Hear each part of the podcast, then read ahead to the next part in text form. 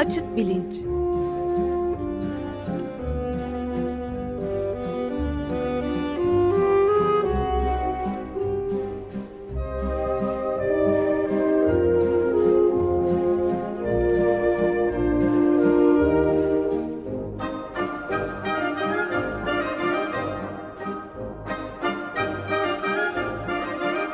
Güven Güzeldere ile bilim ve felsefe sohbetleri.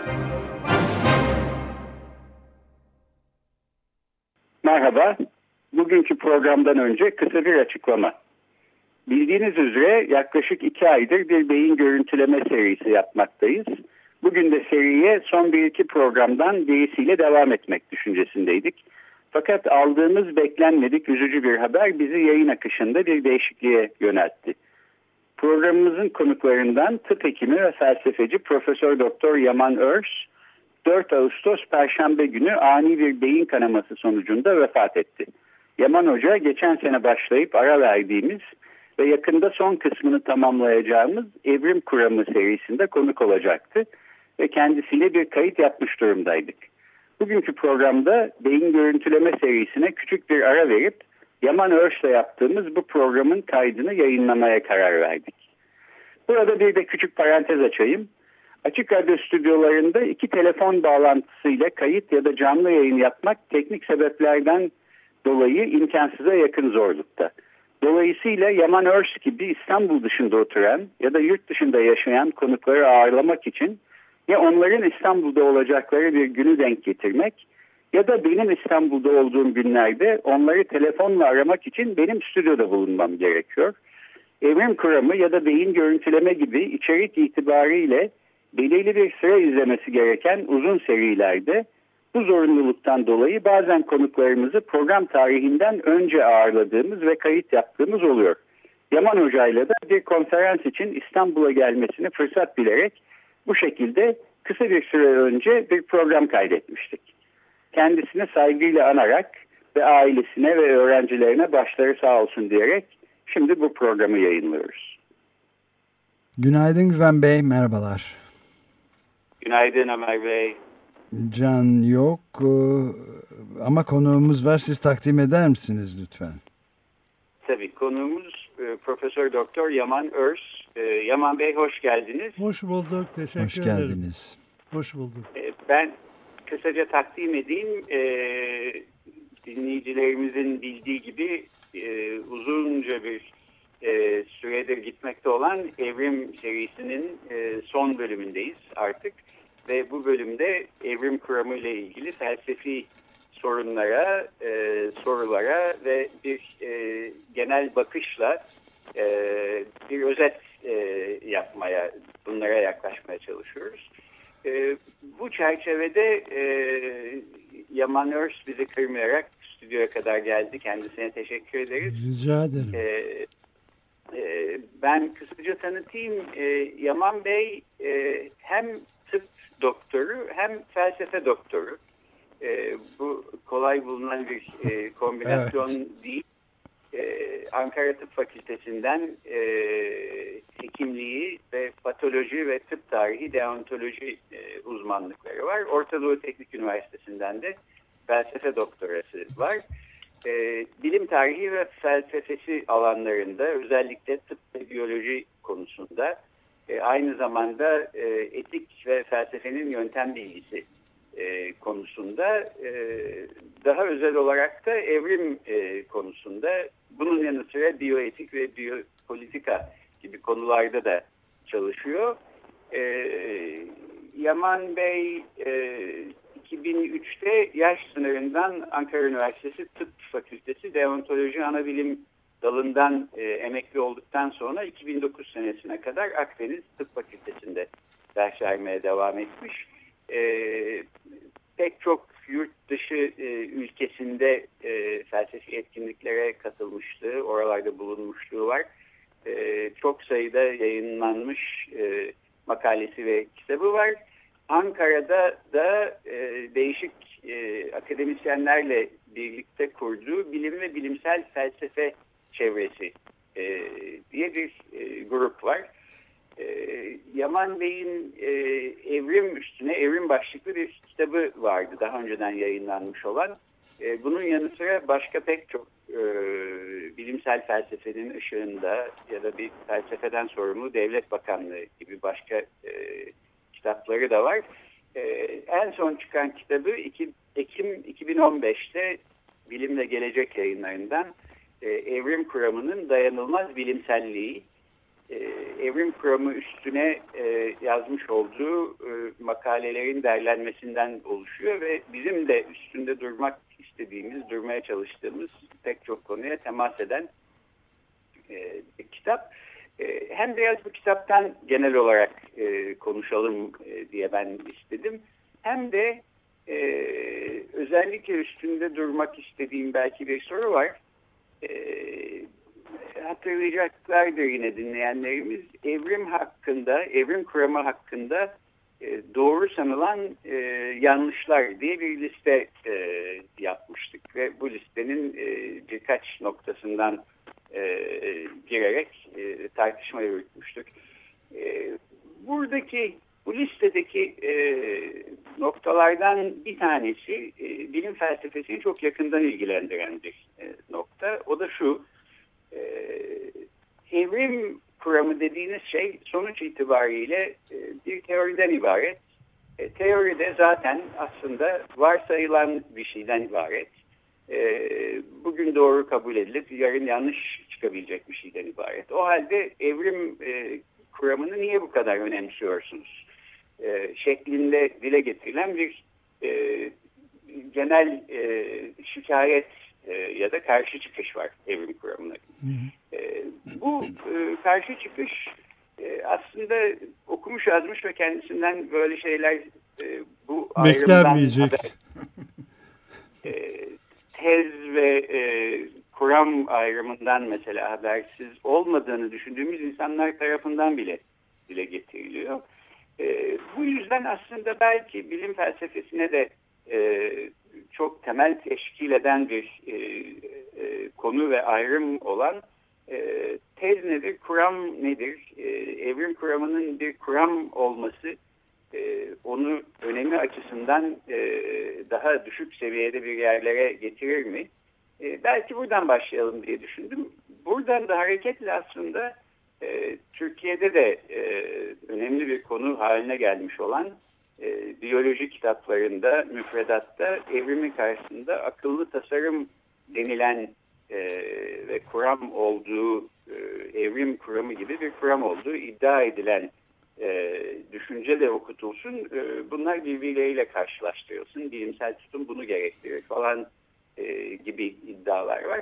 E, buradan da bu pratik e, konuya, e, ülkemizdeki milli eğitimle ilgili bu konuya geçmek istiyorum. Fakat önce belki e, bilim felsefesi içinde tez nedir, kuram nedir, evrim kuramının bir kuram olması onu nasıl epistemolojik yönden nasıl bir statüye sokar?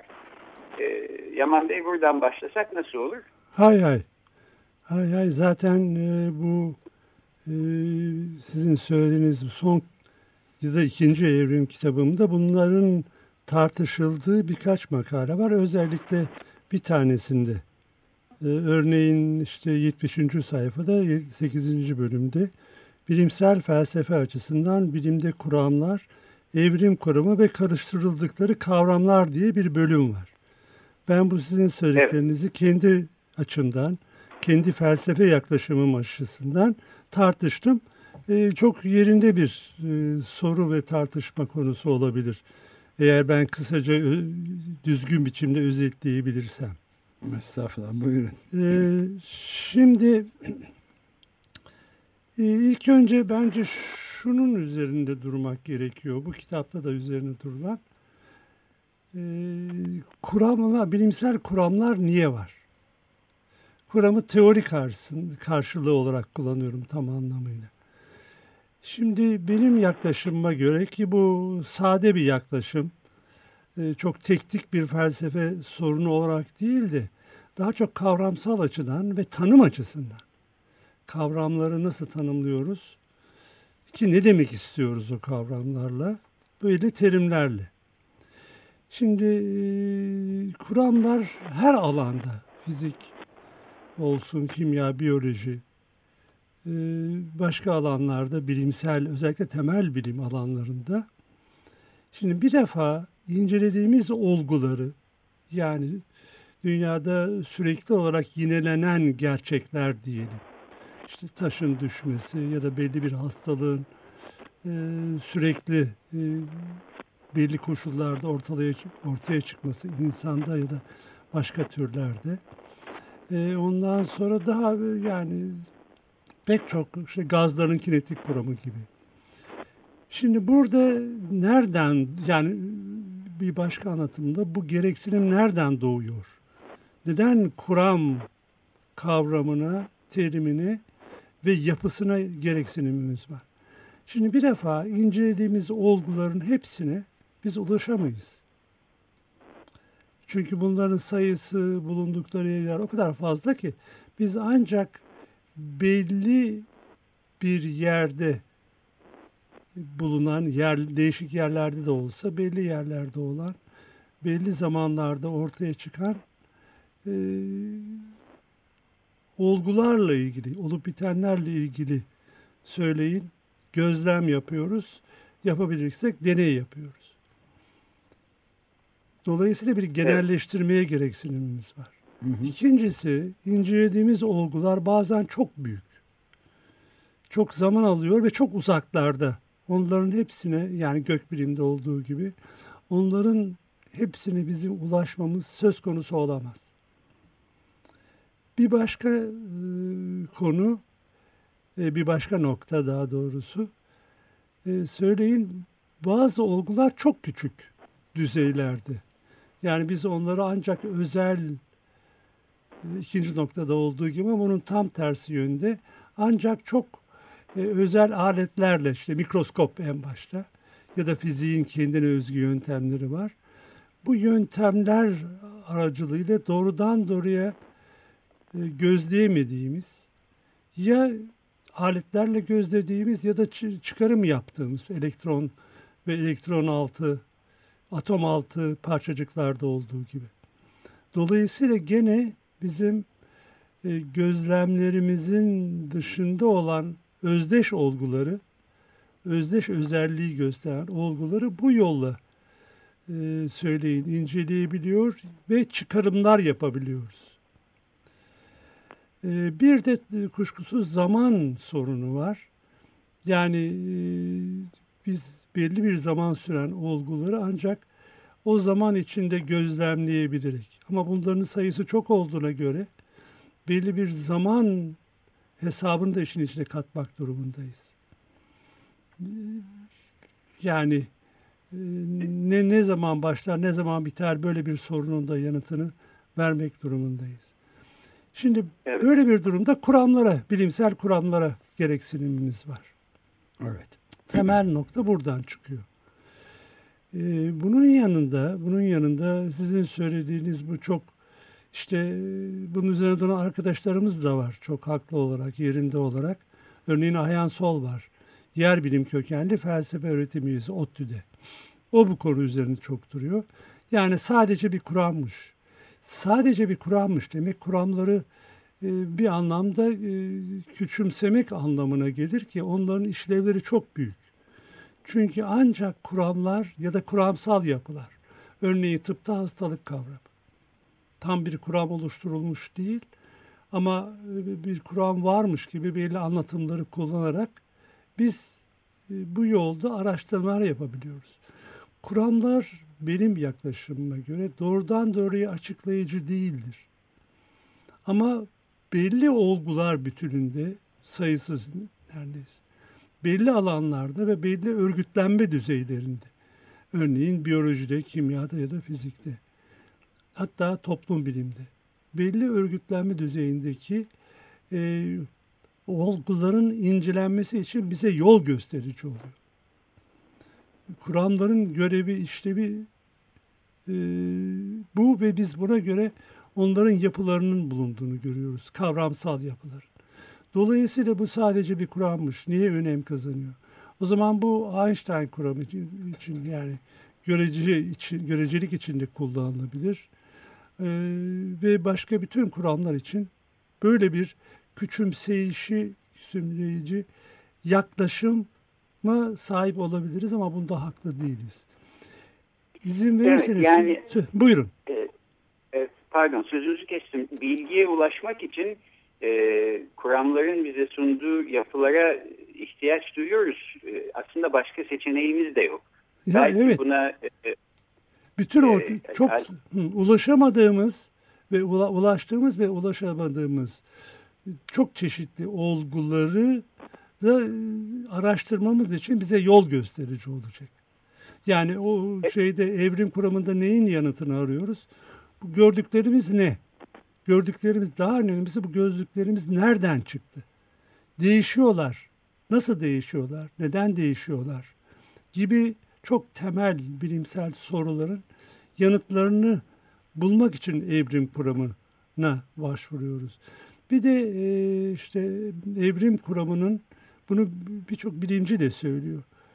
E, yani biyolojiyle uğraşan birçok demeyeyim ama bilmiyorum sayıları tabii oranları ne kadar bu konuyla uğraşanların bütünü içinde. E, geleceğin kestirilmesi çok önemli.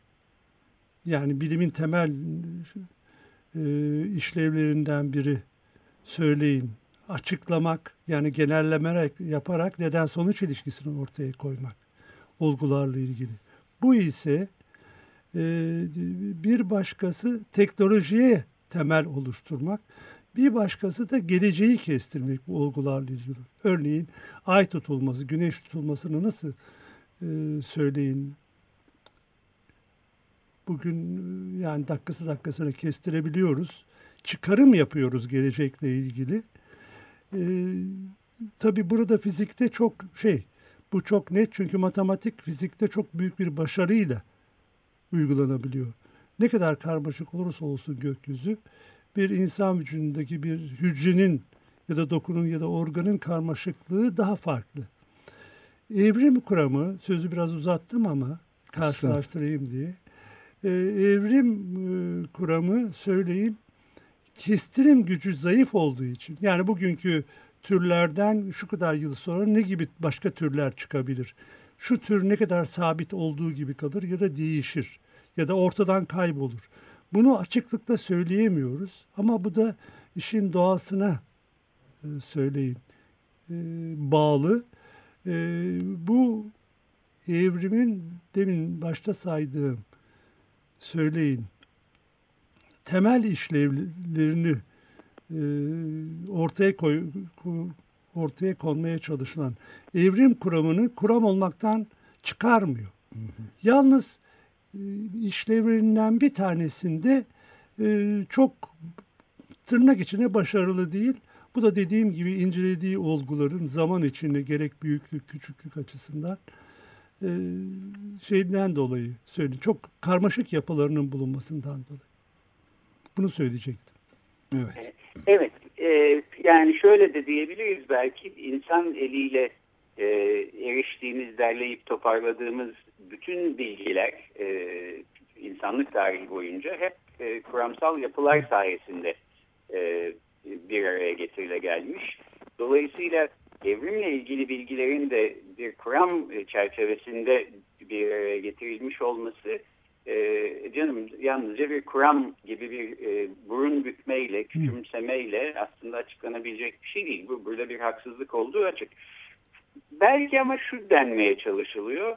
E, bütün kuramlar e, insan aklının bir e, ürünü olarak e, ortaya konuyorlar e, ve hiçbiri mutlak e, kesinlik e, ve doğruluğa sahip değil. Yani bir, bir şekilde yanlış oldukları ortaya çıkabilir. E, işte bunun bilim tarihinde de örnekleri var filan. Dolayısıyla o kadar ciddiye almamak lazım. Belki görüşlerden bir tanesi de bu. Küçümseme nedenlerinden bir tanesi. Evrimin kuram olmasının e, mutlak bir doğruluğa sahip olmaması. Belki yanlışlanabilecek e, bir e, doğaya sahip olması. E, bu konuda ne diyorsunuz? Bu bir küçümseme nedeni e, olarak alınmalı mı yoksa burada da bir haksızlık yok mu? e, burada var. Çok büyük bir haksızlık var. Çünkü bu insanların beklentileriyle ilgili. E, örneğin e, evrim kuramı konusunda e, inanç sistemini öne getiren yani onu reddeden işte yaratılma inancını, düşüncesini de demeyeceğim, inancını gündeme getiren e, insanlar açısından böyle bir sav bir bakıma çok doğal. Çünkü orada inanç sisteminde kesinlik vardır. Mutlaklık vardır hatta. Ve oradaki sav da diyemeyeceğim, gene vurguluyorum, inançlar, inanmaların doğruluğuna kesinlikle doğru olduklarına inanılır. Oysa yanlışlanma, işte Popper'in düşüncesiyle ki ben ona tam e, bağlı değilim ama e, bilimsel önermelerin gerçekten daha sonra yanlışlanabilme özelliklerinin, yanlışlanacaklarının değil kesinlikle, yanlışlanma, yanlışlanabilme özelliklerinin bulunduğunu bugün bilim çevresinde genellikle kabul ediyoruz. E, dolayısıyla evet. yanlışlanabilme özelliği bilimsel önermelerin vurguluyorum bir e, olumlu yanı olarak bakıyoruz. Yan şey bir yanı değil. Yani küçümsenecek bir yanı değil. Sonra kuramlar benim görebildiğim kuramlar doğrudan doğruya yanlışlanmaktan çok oradan o kuramdan yola çıkarılarak incelenen ve haklarında genellemeler yapılan bu şekilde açıklanan söyleyin e, savlar için yani önermeler için ya da tırnak içinde pek artık kullanılmıyor ama doğa yasaları diyelim. Ee, daha çok 19. yüzyılın bir terimi bu. Ee, ama bu, bu, bu tür genellemeler için kullanılıyor. Ve eğer bir kuramın açıklanmaları için araştırmalarına yol açtığı bir takım olguların ve bunlarla ilgili genellemelerin daha doğrusu tam yerinde olmadığı, bunlar sürekli yanlışlanıyor iseler o zaman o kuramın sağlamlığı konusunda biz küşe, şey e, kuşku duymaya başlarız. Yani geriye doğru bir e, düşünüşle. Bu kuram şu konularda araştırma yapabileceğimizi bize gösteriyor. Ama yapılan araştırmalarda yanlışlamanın payı büyük çıkıyor. O zaman söyleyin adını geriye doğru bir düşünceyle kuramdan daha çok kuşku duymaya başlayabiliriz. Ama kuram yanlışlanabilir olan bence kuram değildir. Çünkü kuram doğrudan doğruya benim görebildiğim, e, benim düşünebildiğim e, şey etmiyoruz. Yani o bakımdan öteki genellemeler yani tek tek olgulara yönelik genel, genellemeler gibi o gözle görmüyoruz. Kuram daha dolaylı, daha soyut bir ve çok kapsamı geniş olan bir genelleme. Oysa işte madenlerin ısıtıldığı zaman genişledikleri gibi tek bir tek bir çeşit olguya öyle değil. Bunu her maden için söyleyemiyorsak o zaman orada bir soru işareti vardır. Ee, anlatabildim mi? E, dolayısıyla evet, e, bir de affedin, bir şey söyleyebilir miyim? Özür dilerim. İşte. Hipotez sözünü ben varsayım için yani de varsayımı bunlar kuramlarda bence hipotez yoktur. Bir ön biçim vardır. Bunlar daha çok genellemelerin ön halidir. Anlatabildim mi? Bir de kuramlarda örneğin gazların kinetik kuramında olduğu gibi yani e, kapalı bir sistemde e, ısıtırsanız basıncın artması e, gibi e, daha basit kuramlarda az çok belirli bir olguyu inceleyen kuramlarda yasa düzeyine daha yakın e, kuramlar için de belki bu söylenebilir ama evrim kuramı gibi ya da görecelik gibi çok sayıda değişik koşullardaki olguları ele alan kuramlar için böyle doğrudan doğruya yanlışlanma sözcüğünü ve hipotez terimini de kullanamayız diye düşünüyorum. Evet aynı şeyi herhalde son zamanlarda e, bu küresel iklim değişikliği konusunda da iklim bilimcilerin artık şaşmaz neredeyse yüzde 99,99'a varan bir çoğunlukla insan kaynaklı olduğu ve fosil yakıtların yakılmasından ileri geldiğini ispatlamalarına rağmen hala da tıpkı e, şeyde evrim kuramına karşı olduğu gibi yoktur diyen inkarcı bir grupta var. Yer çekimini de inkar eden bir Amerikalı başkan adayı da vardı mesela geçenlerde. Ne küresel ısınma vardır ne de yer çekimi bile ispatlanmamıştır diyordu daha geçenlerde Ben Carson. Ee, şey e, yani Batı felsefesi dedi ama ona belki akademik felsefe demek gerekir. İlk ortaya çıkışından beri felsefeciler insanın akıllı bir varlık olduğunu ileri sürüyorlardı. Sokrates. Ama o tabii çok kuşkulu. Sorun burada. ee, evet. Yani aslında bu tür e, ipe sapa gelmez e, tezleri yer çekimi yoktur gibi e, söylemesi herhalde bedava. E, evet, söylemesi çok güzel. O, e, alıcıları bulunuyor bunların. Fakat biz de bu seri boyunca göstermeye çalıştık ki evrim kuramının içinde yer alan ve birbirine e, pek çok açıklayıcı ilişkiyle e, bağlanan e, pek çok olgu, sav ve genelleme aslında müthiş bir açıklayıcı güç e, veriyor evrim kuramına ve e, evrim kuramı dediğiniz yalnızca bir varsayımdır. O da yarın yanlış olduğu ortaya çıkarsa çöpe gider gibi bir yaklaşım e, sahiden e, evrim kuramının e, karmaşıklığını ve derinliğini e, görmüyor ya da bundan habersiz demektir. Biraz da bu derinlik e, konusunda bir örnekleme yapmaya çalıştık e, pek çok e, program boyunca.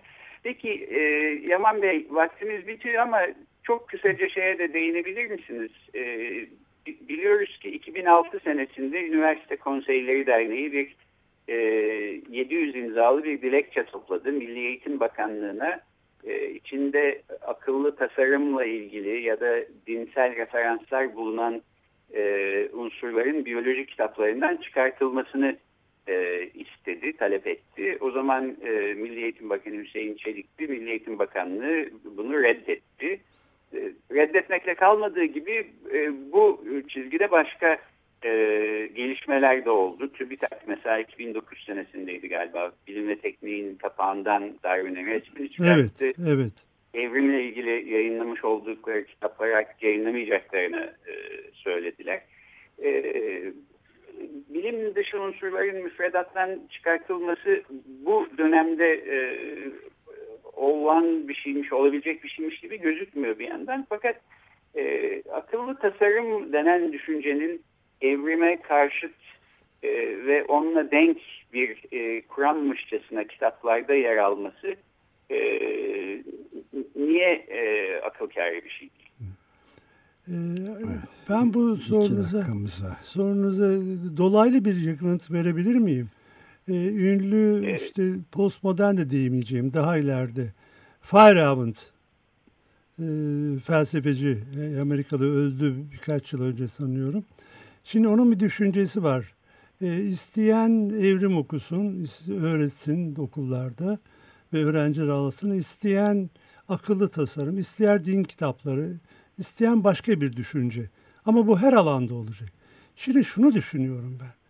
Bu değişik okullardan çok değişik e, yaklaşımlarla yetişen öğrencilerin örneğin Amerika'nın bir eyaletinde bir e, söyleyin e, bir toplandıklarını, iş gördüklerini bir şirkette ya da bir devlet dairesinde e, birisi ne yapacak?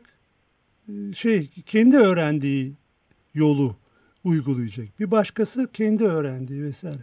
Yani bütün bu yaklaşımlar birlikte aynı anda şirkette ya da herhangi bir kurumda yeniden kurum ya da bir okulda gündeme gelecek. Böyle bir şey olabilir mi?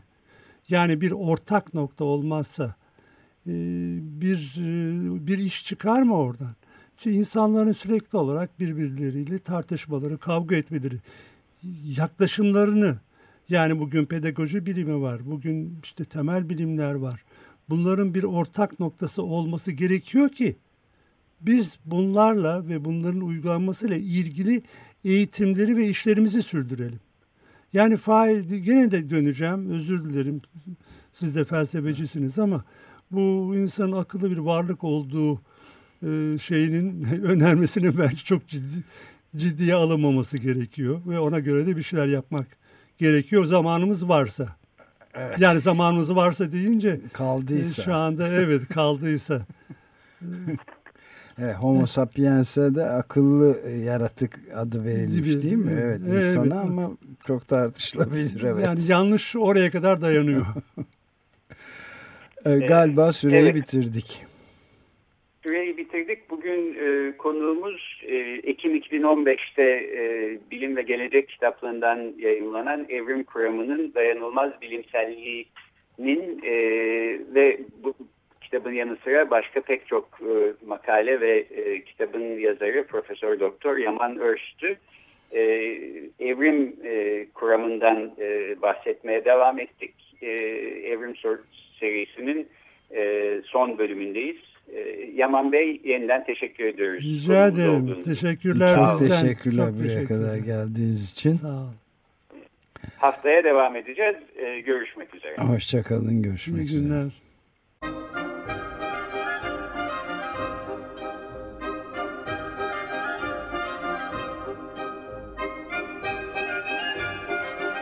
Açık Bilinç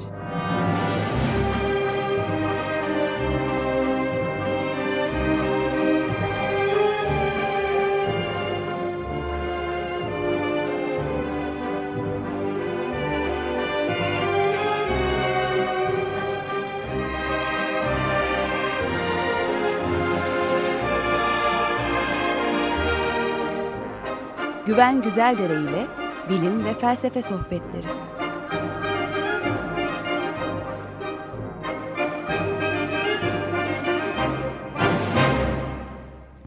Açık Radyo program destekçisi olun. Bir veya daha fazla programa destek olmak için 212 alan koduyla 343 41 41